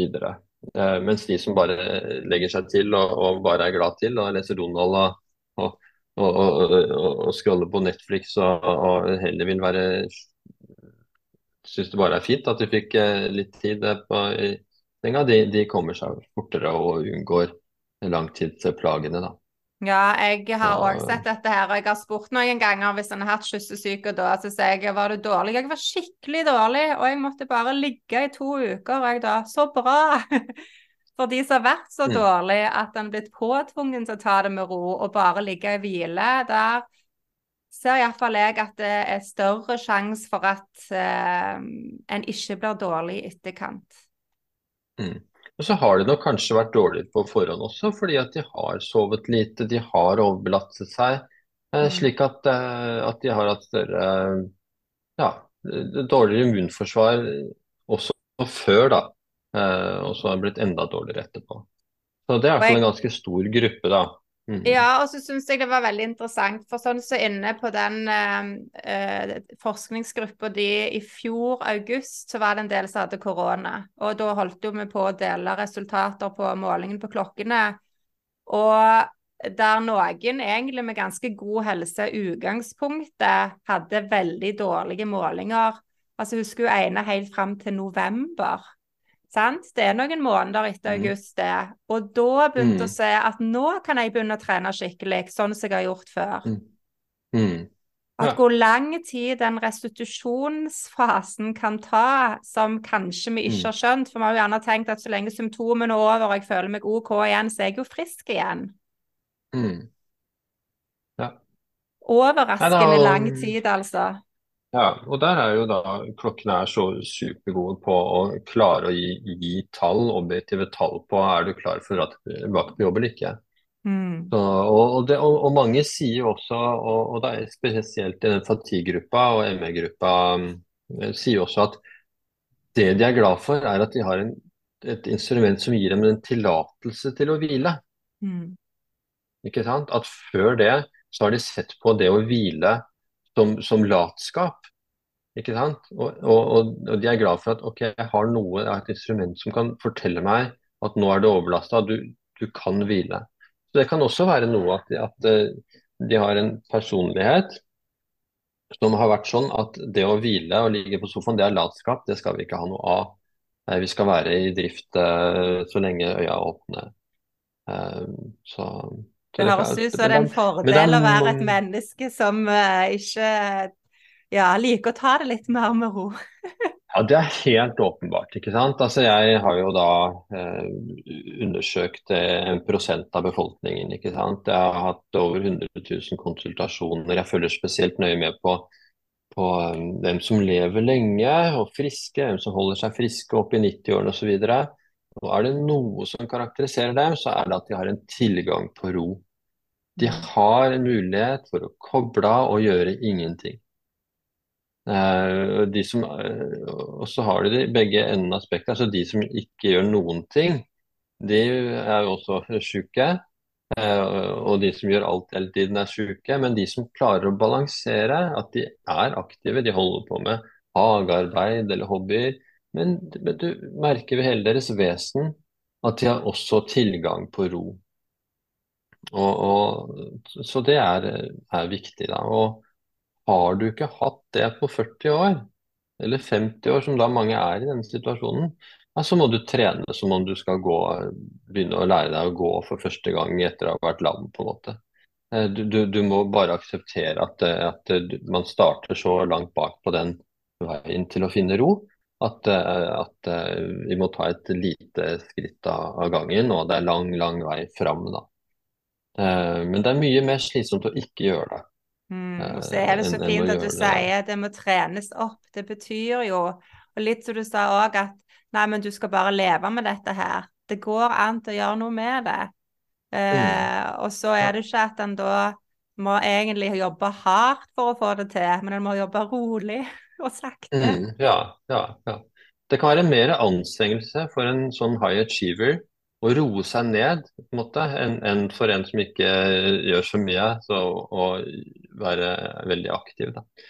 Sånn at eh, Det å ikke gjøre noen ting, det er for mange veldig anstrengende, da. Men en treningsjakt. Og så har vi nok vært bedre på det før. fordi at nå, med en gang det er et øyeblikk av ro, så tar vi opp mobilen og bare fòrer hjernen mm. en hel haug med hjernestøy. Når vi mm. ikke hadde det tilgjengelig før, så var det ikke så mye å gjøre. Da begynte han kanskje ja, med noe hobby, eller plukke av noe gress, eller eh, eh, mm. rett og slett gjorde noe som skapte mer ro. Så det er jo der utfordringen mm. er for oss i dag, at det må mm. noe kontinuerlig hjernestøy tilgjengelig som jeg tror er mer destruktivt enn vi egentlig fatter ennå, altså. Mm. Ja, jeg er helt enig. Mm. Og jeg syns det er vanskelig sjøl. Tenkte at nå må jeg roe meg ned, jeg trenger mer ro. Og poff, så har jeg mobilen oppe, og så har jeg scrolla både på Facebook og Instagram og VG og mm, ja. Mm. Ja, ja.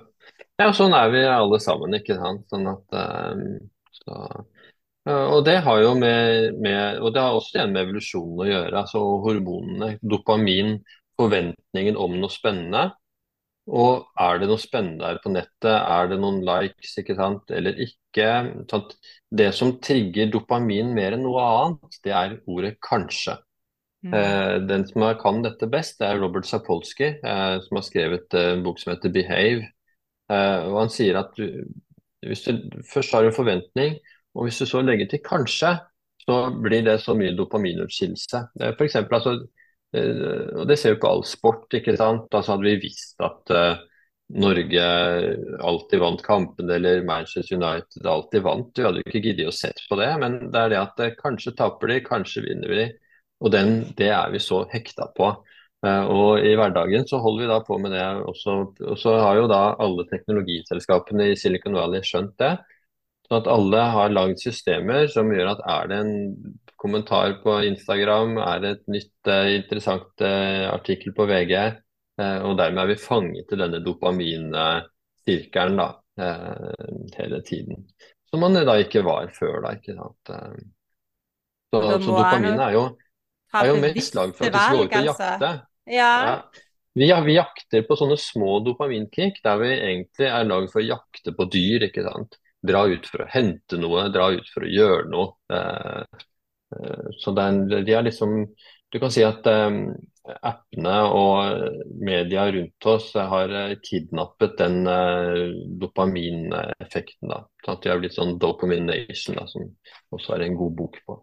Men vi kan gjerne ta flere spørsmål, da. Ja, for du, bare, du sier noe viktig der. At egentlig skal vi ut og jakte, vi skal gjøre noe. Jeg tror det òg som gjør at det skapes ekstra stress i kroppen, er nettopp fordi mm. at vi sitter jo rolig vi går ikke ut og beveger oss og bruker kroppen fysisk.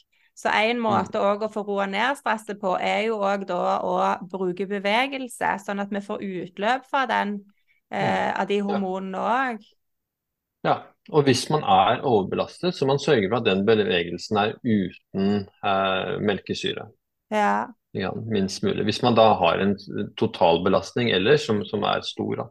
At jeg for eksempel, jeg som har så mye å gjøre, Grand Pulskuren er jo fortsatt på topplista etter 7-38 eh, uker.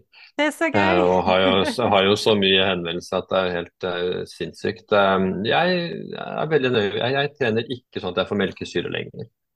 Sånn at, um, for det, det, det, sliter for mye. Og, og Eh, så lenge jeg klarer å holde meg under melkesyretrening, så får jeg aller mest ut av det. Jeg hadde ikke blitt så mye sprekere på en måte av å bevege meg inn i den sonen med melkesyre. Det hadde, det hadde kosta meg mer eh, i restitusjon enn det hadde gitt i eh, krefter. Da. Sånn at mm. en, en, som har det travelt, bør, bør holde seg under melkesyregrensa. Og I hvert fall hvis det er for å holde seg friskest mulig, og ikke for å vinne et løp eller et eller annet. Mm. Men vi kan gjerne ta flere spørsmål. Ja, har du flere på lista? Det har jeg. Noen tanker om hva ADHD-medisiner kan gjøre med nervesystemet? Ja, eh, de, de girer jo opp eh, veldig, da, pulsen. Eh, sånn at der må man nesten bare se funker det eller funker det ikke. da. Eh, hvis det funker til at man, man får konsentrert seg bedre på jobb eller skole, så er jo det bra.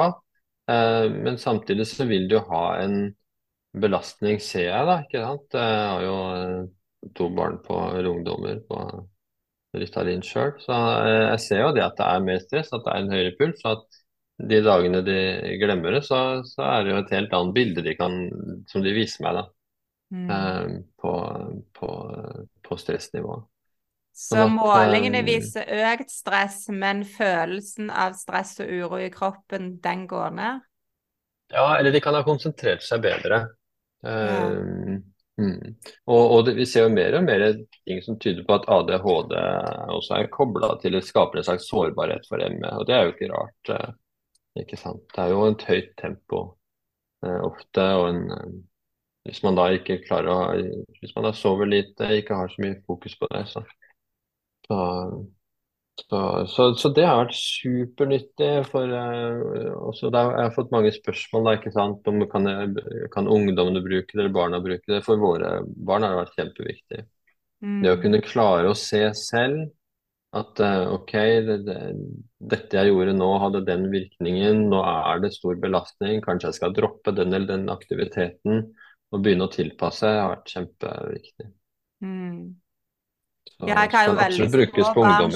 Mm. Ja, og jeg har små barn sjøl, og det har vært veldig interessant å se eh, hvordan målingene mm. For jeg har ikke funnet noen studier som viser noe sånn særlig opp på HRV knyttet opp mot små barn.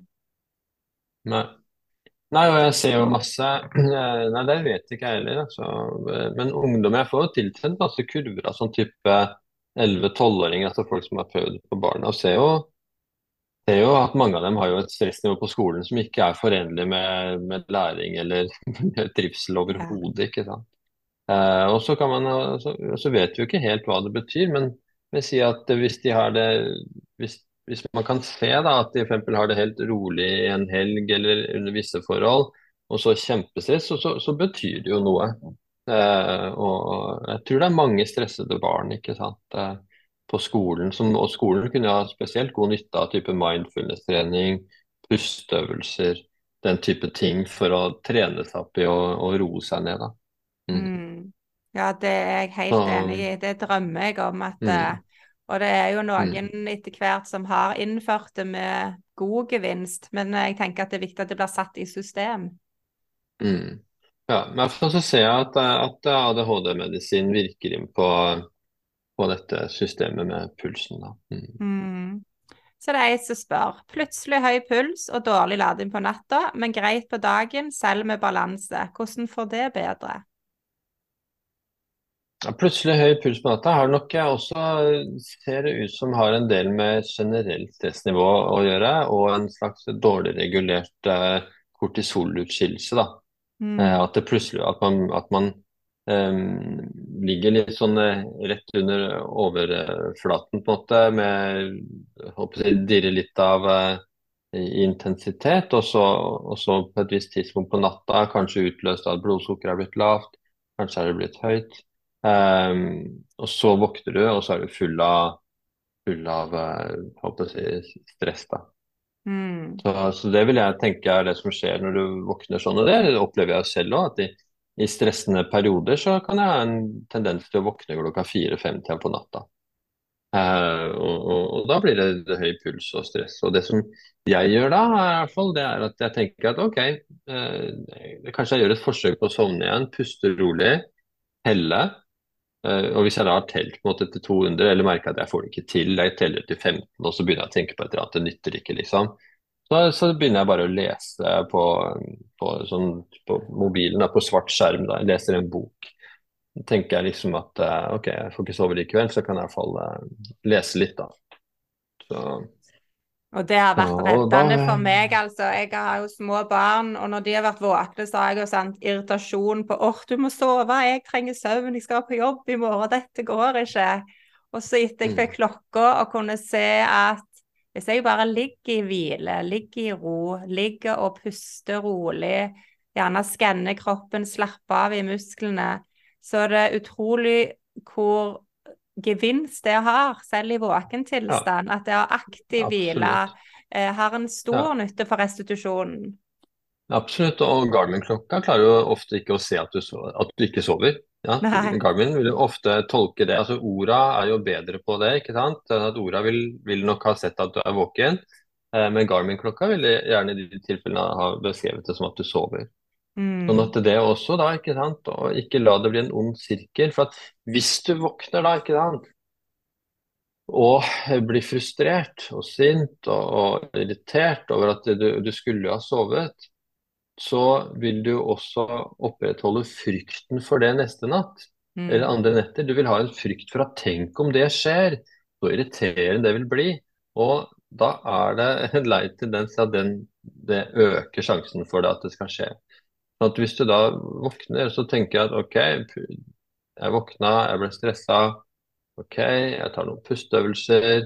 Um, så personlig så les, prøver jeg å lese sånne halv, halvinteressante fagbøker da, på, på, natta. sånn at jeg skal ikke bli så Men nå leser jeg en som er veldig interessant, så det er et problem. Den heter Countdown og handler om hvordan eh, ulike ting påvirker um, fertilitet. Altså både sædkvalitet hos menn og, og, fertilitet hos kvinner, og alt som påvirker det. Og det er jo superinteressant. Så, så Countdown, jeg husker ikke hva hun har skrevet som har den, er superinteressant. Altså, jeg jobber jo mye det. med det med fertilitet. og der har jeg jo i alle fall helt tydelig erfaring med at det med dårlig stressbalanse, reduserer fertiliteten. Absolutt, absolutt. Og det blir det ikke snakket noe særlig om, syns jeg. Men eh, faktisk det å ja, jobbe med stimulering av vagus og redusere stress, eh, hva gevinst det kan gi, det, mm. Det, det trengs ja. å snakkes mer om. Ja, ja. For det hele, igjen, altså, altså, noe som man kanskje ikke skulle tro påvirket så mye, men, men Altså Kroppen vår er så genial at hvis du er stressa, så betyr det fra urgammelt av at dette er ikke tidspunktet å lage barn. Mm. Ikke sant? Det, det, det, nå er det såpass mye belastninger at den tendensen demper vi. Mm. Skal, ikke, skal ikke legge det også oppå nå, for nå er det mest sannsynlig en tørkekatastrofe. Mm. Ikke sant? Eller en kjempekonflikt, så nå, nå, eh, nå demper vi fertiliteten hos deg. Så, og, og sædkvaliteten hos menn har jo gått ned meningsløst mye. Ikke sant? Det er jo halvert eller noe sånt på 30-40 år. Um, så, så, og masse også med miljøgifter og med um, hormonhermende miljøgifter som vi omgir oss med også ser det jo tydelig har eh, effekt. Altså, kjempeinteressant bok, men, men, det er jo ikke det vi skal snakke om nå. Ja, den må jeg få tak i. og så er det et ja. spørsmål om altså etter traumer og stress, at når kroppen endelig går ned i blått i hvile, da kommer det smerter hver gang. Hvorfor? Mm. Ja, da plutselig så tillater man seg nok å kjenne etter, da. Mm. Um, og kanskje man har mobilisert så mye at da da kommer smertene, de viser seg, liksom. Eh, og det ser også ut som om smerter også skaper et blått modus. Det er mange som skriver til meg at de blir overrasket at jeg fikk så vondt, og da gikk jeg over i blått. Eh, sånn at det, det, kan se ut som enten om det er noen endorfiner, eller om det er noe som gjør at når du har vondt, at det rett og slett eh, kjører deg litt over i vagus. Og det kan også være en urgammel mekanisme for at OK, nå er det vondt. Nå må noe repareres. Det er, det er et tegn på at noe må repareres. Vi kjører kroppen over i vagusmodus eh, mm. for å tilrettelegge for det. Det kan det godt være at det er noen mekanismer for. Ja, og det er jo eh, ulikt òg. Ja. For jeg har jo migrene, og der ser jeg at som regel når jeg har migrene, så er jeg over, ser det ut som jeg ligger i hvile og slapper av. Og det gjør jeg jo mm. ikke. Jeg føler jo at nervesystemet mitt står og hyler sant? av både mm. smerte og uro og eh, ja, en hel haug med symptomer. Og så ser jeg andre sine målinger med migrene der de har skyhøyt stress. Ja, så det kan variere. Men det er i hvert fall ikke så sjelden at det du beskriver, at et migreneanfall som de skulle tro er er eh, forferdelig, eh, liksom, så viser det at det er blått. Og jeg har jo, som for nysgjerrighets skyld, så har jeg prøvd liksom, noen ganger noe sånn spikermatte. Ja. Altså sånn, ikke sant, sånn der, Det høres veldig fælt ut med spikermatte, men det, er jo ikke sånn, det ser jo ikke så skummelt ut. Ja, eh, og, det, ja, og det har faktisk eh, for meg gitt eh, ganske sånn intens parasympatisk aktivering. Og den har jeg kjøpt Nå har ikke jeg undersøkt det godt nok til at jeg liksom kan si noe med to streker under svaret, men, men de kanskje tre-fire gangene jeg har prøvd det, så har jeg vært litt overrasket over at det har gått til parasympatisk aktivering. Og dermed kan man lure litt på ok, er smerter også en sånn kontraintuitiv ting på nervesystemet. ikke sant? Fra før av så, så, har vi jo erfart at kulde kan føre nervesystemet over i parasympatisk. At faste kan gjøre det. Men kan til og med også smerte gjøre det. ikke sant? Eh, og, og hva, hva, slags mekanisme kan ligge bak det. Kan eh, ja, så for, og f.eks. selvskading, da, ikke sant? Kan det være noe som roer ned? Kan det være, kan det være noen av av, av eh, drivkreftene bak å skade seg. At den smerten som kommer, på samme måte som faste ikke sant, og kulde, roer deg ned på et eller annet måte. Mm. Ikke sant? Sånn at, um, og Det er jo det som er så interessant nå som, nå som jeg begynner med at målingen og kan måle. ikke sant? så er det nesten som å komme ut på et nytt kontinent. Det er nesten som om du er Columbus ute, ikke sant, og plutselig har du funnet et nytt kontinent. Og du bare går rundt omkring og ser rare ting og nye ting og prøver å, å få eh, litt oversikt over det og, og hva som finnes der, liksom. Og, og, vi er jo helt i nybegynnerfasen, og håper å si mesteparten av helsevesenet har ikke engang kommet fram til kontinenter, ikke sant. Eh, så, så, eller, Tenk når sånn den eh, boka di kommer ut til hele verden, og vi kan begynne å samle data på ja, alle ja, kontinenter. Vi, vi jobber med saken, faktisk. Og i, i dag vi har også allerede fått uh, oversatt uh, akkurat der til å hente på, på, på trykkeriet en sånn dummy-versjon av The Pulse Cure Health Diary. I morgen så får vi The Pulse Cure. Vi har oversatt begge bøkene allerede.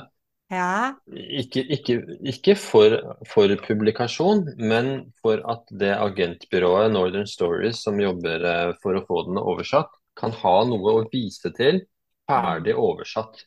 Eh, Istedenfor at de må liksom gjette seg til hva som står der på norsk. Da. Sånn at eh, absolutt, Vi har absolutt fokus på, på engelsk, både på pulskur.com og, og komme oss i gang med engelske pulskuren. Si, versjonen av pulskuren.no. For vi trenger for så vidt ikke boka for å komme i gang med det. Vi kan allerede lage nettstedet og lage videokurs osv. på dette her. Mm. For det, det, det, fine med pulskuren.no er at du, får, du vil få svar. Hvis du lurer på noe om dette her, om det er med ME eller hva som helst, og du legger ut kurve og spørsmål på pulskuren.no, så får du svar. Mm. At folk hjelper folk. Så det som er målet, er ikke at jeg som Altså, jeg ønsker helst å gjøre meg helt overflødig, ikke sant. Eh, at, at, folk hjelper folk. At, at eh, det er bedre at eh, tusen folk hjelper tusen andre, eller eh, aller helst en million folk hjelper en million andre, eh, enn at én hjelper et eller annet visst antall. da. Og det å sitte på legekontoret én til én er i hvert fall ikke noe særlig effektiv bruk av, av tid. Nei, og det er derfor det er så fint at du eh, er med på podkaster og når ut her og der og sprer ut. Og så den der iherdige innsatsen du gjør nå, vil jo bare generere utover eh, eh landet vårt. Men eh, mm. mange land, tenker jeg. Eh, og mm. så er det mange som spør meg vi må holde på å måle da. Eh, burde jeg ikke kjenne godt nok etter? Eh, er det stress å måle? Det kommer veldig mange sånn, ikke kritiske, men eh, litt spørsmål som kommer fra en uro. At skal det være noen ting mm. jeg skal gjøre nå? Mm. Har du noe svar? Men da er det at dette Ja, ja, ja. Eh, og, og, grunnen til at ikke vi ikke klarer å kjenne etter, er at vi aldri har hatt behov for den type sans. Det har aldri vært en situasjon i evolusjonens uh, tid da, at en det ville vært veldig kostbart å utvikle en sånn sans, og det har aldri vært bruk for den før nå. Sånn at uh, de klokkene og pulsmålerne erstatter den sansen da, uh, som, vi, som, vi, kunne hatt. da. Og vi følger allerede med på 100 000 ting. Altså Vi følger med på i bilen, vi følger med på, på, på kontoen vår, vi følger med på, på, telefonen på en rekke ting og, som er ganske uviktige. Og da er dette Det er en ny ting å følge med på, men det er kanskje den viktigste tingen du kan følge med på din egen helse, på en måte. Det kan være viktigere enn det, da. Eh, sånn at eh, og, det viser seg å være en bekymring som jeg bare har hørt fra de som ikke har brukt klokka. Mm. Hadde jeg hørt den bekymringen fra folk som hadde brukt klokka, at pulskuren.no og mailboksen min var full av folk som kunne fortelle meg at nei, dette ble bare stress. Eh, nå har du fått meg til å kjøpe en klokke, liksom, og så er jeg bare blitt stressa. Takk skal du ha. Det har jeg ikke hørt noen ting av. Så det, det, er bare, det, er bare, de som ikke har brukt det, som, som jeg, når, når, du sier det, så vet jeg at det er noen som ikke har brukt det, for å si det sånn. Ja, jeg vet for det. Er, det er ingen som har brukt det, som, som ville, ville, ha sagt det. Um, så mm. Og hvis de sa, en som lytter på nå, har uh, ME f.eks. og skal kjøpe seg ei klokke fordi at uh, han eller hun ikke har det fra før av, hva slags modell ville du anbefalt da? For det er et spørsmål jeg får mye. Ja, og da, da ville jeg tenkt at hvis man har ME, så står såpass mye av helse og livskvalitet på spill at da ville jeg brukt en av de klokkene som viser HRV-utvikling over tid. Mm. Fordi at da vil du kunne klare å se endringene. Sånn at, eh, og da tror jeg du starter på rundt 4000 kroner, kanskje. Eh, på det da. Nå finnes det jo massevis av Garmin-klokker Uh, og massevis av alternativer, så der går også litt på hva, hva synes du ser fint ut og osv. Hvis du trener, så ville jeg helt klart gått opp til den Phoenix Epix-sjiktet. Da er du oppe mot 7000-8000 kroner. Det er kanskje litt flaks hvis du følger med på sånn prisjakt.no og sånt nå. Uh, eller på Finn. Mange, mm. mange, mange selger jo sin gamle klokke liksom, til halv pris når neste modell kommer ut. Så at på Finn er jo helt sikkert mulig å gjøre med gode funn. Um, så jeg, jeg vil i hvert fall gått ut etter en klokke som viser HRV over tid. da. Ja. Så, så, det finnes jo, jo mange av. Og så er det jo, sant, som du har sagt mange ganger før, at det å gå for en Garmin-klokke fordi at de har veldig fine målinger som viser hvor, hva tilstand i nervesystemet vi er i. For det at de måler stress og noe som heter body battery, som sant, forteller egentlig hvor mye kapasitet vi har å gå på. Mm, ja. Det er egentlig bare Garmin som er alternativet. Og jeg er ikke sponsa av Garmin, men det er bare sånn det er. At eh, det er Garmin som har kjøpt opp det First Bit-algoritmene, eh, som gjør at vi klarer å se at ja, det var pizzaen som gjorde det. At mm. jeg ble stressa i, i går, liksom. Eller der, eller der, der, hvor jeg begynte å lese, da kom jeg i blått modus. For de andre instrumentene klarer ikke å fange opp dette her, eh, rett og slett. Eh, sånn mm. at eh, det er egentlig kun Garmin som er aktuelt å, å bruke. Så jeg pleier å sammenligne med at altså, mange av de andre instrumentene da, de gir deg eh, heart rate variability, over natta. og Det er litt som å, ha, å få saldoen på kontoen, men du vet ikke hva som gikk inn eller ut, eller hvor mye den enkelte tingene kosta. Det er som du skulle dratt inn i butikken og gjort liksom, lørdagshandelen. Du får bare summen på kassa, og, og, og inne i butikken så har du ikke sett prisen på noen ting. Du har bare kjøpt det du hadde lyst på, liksom. Og, og da, da, nytter det ikke å, å, finne ut av noe, da. Nei, jeg er enig. Og, og det er jo og da vil det bare bli stress, hvis du bare så at du var i stressmodus. Eh, så det som er fordelen med Garmin, er at du da kan begynne å nøste opp i det. Og hvis du har ME, så er det Jeg tenker at ME er jo på mange måter et slags havari. Du kan tenke at når et menneske, og som regel så har det i utgangspunktet vært superfungerende mennesker, ikke sant? Eh, på alle måter Eh, du går helt i kjelleren, bokstavelig talt, eh, og, og, blir liggende på et mørkt rom, så er jo det totalhavari. Og på samme måte som eh, hvis man ser på flyhavarikommisjonen osv., så, videre, så ser man at det er mange, mange, mange faktorer. ikke sant? Det er sjelden én ting. Sånn at i dette kaosbildet som man da får som regel av nervesystemet sitt som ME-pasient, så er det litt som en sånn flyhavarikommisjon. At, at, at, det er mange små ting som har tilrettelagt for det, og så er det ofte én utløsende ting. ikke sant? Så det er én ting som gjorde at det faktisk skjedde, men den ene tingen avhang av mange ting i forkant mm. uh, av det. da. Og man må liksom begynne å nøste opp i en rekke ulike faktorer, og så må man ta én ting av gangen. Og, og, som jeg har sagt før, uh, aksept og tålmodighet i prosessen er helt grunnleggende. Mm. Du, du, kommer deg ikke fram uten å starte med det. Mm.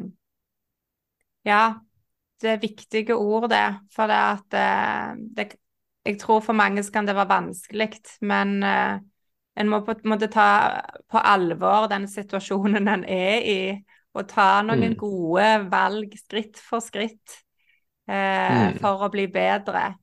Og så tenker mm. jeg sånn Eh, kanskje oppsummert, så kanskje noe av det viktigste du sier her, det er mulighet for å bli bedre. Mm, absolutt, det er det. Så det er jo nesten tragisk at det er mange som får høre at jeg har du ME, så betyr det at ikke du kan bli bedre. Og ikke minst så er det jo det fra eh, mange ME eh, som kanskje eh, som kommer fra det hvor de mener at det har ingenting mentalt å gjøre har ikke noe å hente på mental, mental innsats. Og det ville jo vært helt utrolig. For det fins jo ingen Min erfaring som lege er at det finnes ingen sykdommer hvor ikke det mentale er en stor del av det. Og det, da er du helt nede på forkjølelse. Altså bare, bare på hvor fort du blir frisk av en forkjølelse, handler mye om det mentale. Kreft, hjertesykdom, alt som er, har mye med mental å gjøre. Sånn at det er jo et miljø som ønsker å forklare ME kun med noe fysisk. Og det, det, det, kan jeg nesten ikke skjønne. For det første så blir du da avhengig av noen andre, at noen andre finner ut den gåten. Og i mellomtiden ja, så må det jo være best å jobbe med det du faktisk kan gjøre noe med. da. Mm. Og det er jo det mentale. Og hvis ME som eneste sykdom i, si, i verden skulle vise seg å være til og med benbrudd, ikke sant? tilhelles bedre eh, av eh, visse tilstander. Sårtilheling, altså paret som krangler, har en treigere sårtilheling. Og, og, hvis de gikk og forska på beinbrudd, så hadde de sikkert funnet at det ble dårligere tilheling av det også. Eh, sånn at det, det, har jeg ikke så stor forståelse for, altså. Jeg har stor forståelse for at, det kan godt hende at det etter hvert finner at ok, det er den og den rent fysiske årsaken, men men eh, det ville vært helt utrolig eh, hvis det skulle vise seg at det ikke er mye å hente på eh, mental, både mental innstilling og, og, og, og livsstilsendringer som, som, hjelper til. Ja, for hvordan vi tenker og hvordan vi føler spiller i stor grad inn på altså det fysiske òg. Eh, bare at hvis vi bekymrer oss mye, så kan en få fordøyelsesplager og kan begynne ja. å reagere på mattyper. Og igjen, det å spise mat som gir næring til de gode tarmbakteriene, gjør at vi kan få mm. lavere score i forhold til depresjon og angst. Sånn at det mm. er en sånn eh, runddans med en, eh, et fascinerende stort maskineri som eh, jobber ja. finstilt sammen, altså. Mm, absolutt, absolutt. Hyper, hyperavansert. Og, ja. Og så er det og vi begynner å finne mer og mer ut av det. Mm. Ja, at faktisk da med å jobbe med mentale mm. prosesser, for det vil mm. være enklere når fysikken vår er så ja. eh, redusert, så vil det påvirke mm. igjen. Så ja. og, og, der, og, der, vil jeg jo, hvis jeg kommer på det, reklamere veldig for boka mi som heter 'Kamerakuren'. For den er nesten skreddersydd for, eh, for eh, ME. Eh, fordi at det dreier seg om det som er lettere sagt enn gjort, liksom. Det å gjøre det. Det å omsette mentale mestringsstrategier om i praksis. Eh, og det som er fordelen med ME, og jeg har hatt mange ME-pasienter, vi hadde jo masse under covid, masse um, Zoom-workshoper, eh, og, og, mange med ME-lignende problemstillinger. Eh, og du kan jo fotografere fra der du er. Mm. Sånn, og, og, ofte kan det til og med være en fordel det, at du ikke har krefter til å komme deg så langt og kanskje må holde deg inn på rommet ditt, for da må du se etter hva er her? Hvordan faller lyset inne på rommet, mi, rommet mitt? Hvordan faller det oppe på, på, på, på puta? Hvordan faller lyset inn mot den og den gjenstanden? Kan jeg flytte den til et annet sted? Er det et bedre lys der? Eh, Sånn at eh, det å fotografere, som mange har brukt som selvmedisinering ikke sant? Altså Jeg har jo på så mange workshoper som jeg har vært på og holdt, da. jeg har holdt over 60 fotokurs rundt hele verden. Så er det jo utrolig mange som har sagt at eh, fotografi er som terapi for meg. Eh, og, så det vil jeg nok tenke på kan være en veldig bra teknikk. Da. Nå er faktisk boka utsolgt nå. Men det kommer i en ny versjon, eh, løpet, eller ikke en ny versjon, men et nytt opplag da, i løpet av et par uker, tror jeg. Så. Ja, og altså, du sier en trenger ikke måtte ha krefter til å nå ut så langt. Og så har jo de fleste sant? En må ikke ha et profesjonelt dyrt kamera heller, en kan bruke mobilkamera, ja. og det har jo de fleste ja, ja. lett tilgjengelig. De fleste er lett tilgjengelig, ikke sant. Så det er et lite, og, og når du fotograferer, så er det en del ting eh, litt sånn innebygd i det du fotograferer. noe du har lyst til å fotografere, noe du er oppmerksom på, og noe du syns ser bra ut, og som du er interessert i. Så du får en naturlig drivkraft mot noe du vil ha. Mm. For at ofte det som kan fylle oppmerksomheten din, er frykten for og motstanden mot det du ikke vil ha. Problemet er at du får bare mer av det som du tenker på, uansett. Mm. Så, så, så det å har alt fokusert på de symptomene og de plagene du ikke vil ha, er nesten som en slags magnet mot dem. Så du må snu deg fra de symptomene du ikke vil ha, mot noe du vil ha. Mm. Og det gjør du når du fotograferer. Innebygd. Ikke sant? Du, du, du, du drar jo ikke ut og fotograferer og 'her var det kjedelig', her, nei, dette var ikke noe fint. ikke sant? Og da går du bort derfra mm. til noe du, vil ha. Og, og den innstillingen den måten å se og gjøre ting på smitter over til alt annet du gjør. Mm. Derfor er jo undertittelen til kamerakuren er 'Slik du takler øyeblikket, takler du alt'. Og, og, det å fotografere er å være til stede i øyeblikket. Ikke, ikke tenke, du, du, klarer ikke å gå til å fotografere og tenke på eller bekymre deg for noe som kommer til å skje. Og du klarer heller ikke å gå til å fotografere og, og være bitter og frustrert over noe som har skjedd. Du er der og da. Og, og, mm. bare i det så er det helse. Ja, og det å være til stede i øyeblikket regulerer jo nervesystemet. Vi har jo ofte snakket om at vi mennesker er det mest intellektuelle vesenet på denne jord. Men jeg tenker at det òg kanskje litt av forbannelsen vår, det at vi har så stor evne til å både tenke bakover og framover. Og med alt vi blir påvirka av, så har vi mista mye evnen til å være her og nå. Og da mm. er jo det som står i kamerakuren til stor nytte for mange. Så det er fint mm, at du mm. deler det òg. Er det noe du tenker som du ønsker å dele, som eh, er viktig å få med seg når vi snakker om dette temaet? Eller har vi vært borti det meste? Mm. Vi er borti det meste, egentlig. Ja. Mm. Og så er det jo Vi sitter jo ikke med noe fasit heller. Jeg tenker at eh, det er ennå mye vi ikke vet, men en fin måte å lære på er jo nettopp å kunne se på disse målingene, for da får han et innblikk i hva er det egentlig som skjer i en kropp når en har en ME-tilstand.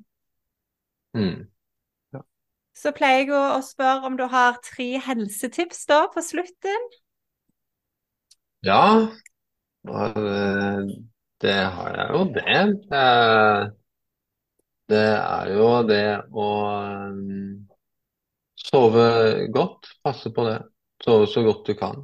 Mm. Um, trene på det, hva som skulle uh, legge til rette for det.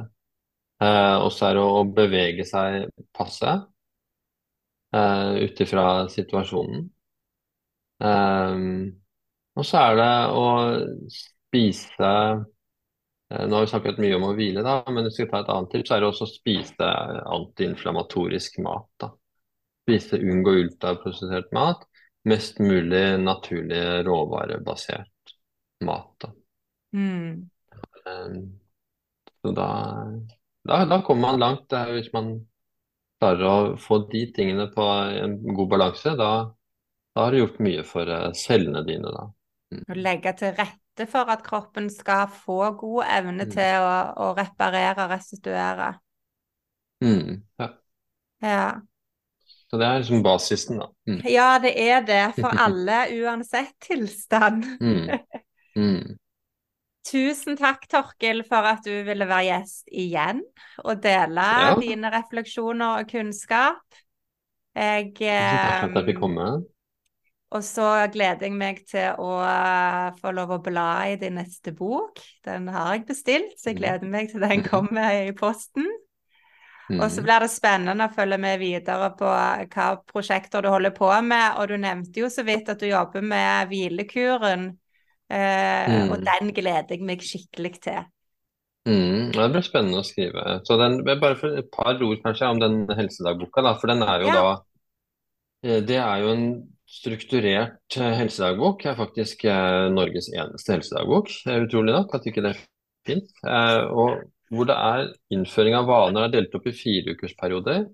I hver fireukersperiode så prøver du ut en ny vane og ser hvordan den virker på, på målingene dine og, og, så er det liksom fem minutter på morgenen, så sjekker du på en måte inn. Du åpner dagen med å se hvordan resultatet fikk jeg i løpet av natta. ikke sant? Og så kanskje endrer du på planene for hva du gjør den dagen uh, ut ifra det, eller skriver litt om det. Skriver, det er tre linjer du skriver om morgenen. Planlegger dagen, tankene dine kanskje, uh, hva du måtte ha lyst til. Og så sjekker du igjen på kvelden før du legger deg.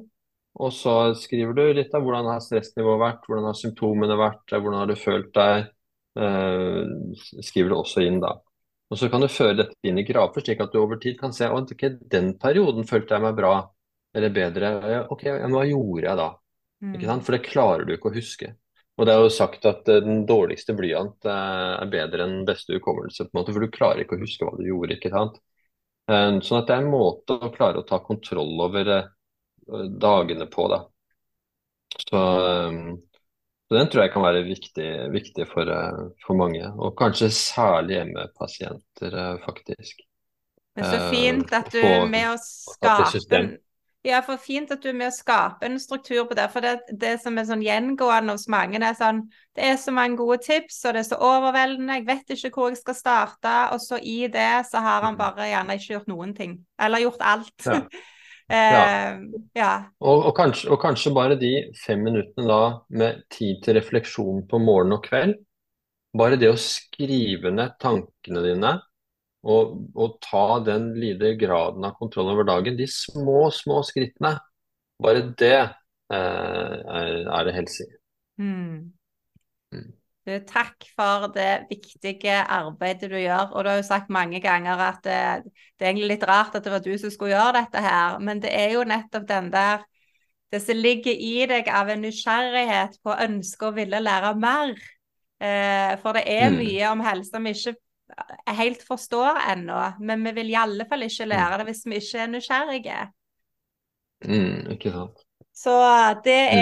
er jeg veldig glad for, og det vet jeg at de som lytter òg er. Eh, og så kan det godt være at eh, du får en uh, ny invitasjon på et senere tidspunkt til å være gjest igjen. Det er alltid en uh, stor glede å snakke med deg, Torkil. Mm. Mm. Så Takk det samme. Takker for at du var gjest, mm. og så vil jeg takke deg som har lytta på, og håper at uh, du har fått noen innspill som bidrar til at uh, du får uh, fremgang og bedre helse. Alt vel herfra. Ha det bra. Ha det bra. Hei igjen. Jeg vil bare tipse om at jeg i løpet av høsten skal holde foredrag og workshop om vagusnerven. Kunnskapen om vagus blir omtalt som en revolusjon innen helhetlig forståelse av helse. Jeg deler kunnskap, forskning og verktøy som øker ditt forsvar mot stress, inflammasjon og sykdom, og som styrker den fysiske, psykiske og emosjonelle helsa. Informasjon finner du i episodeteksten.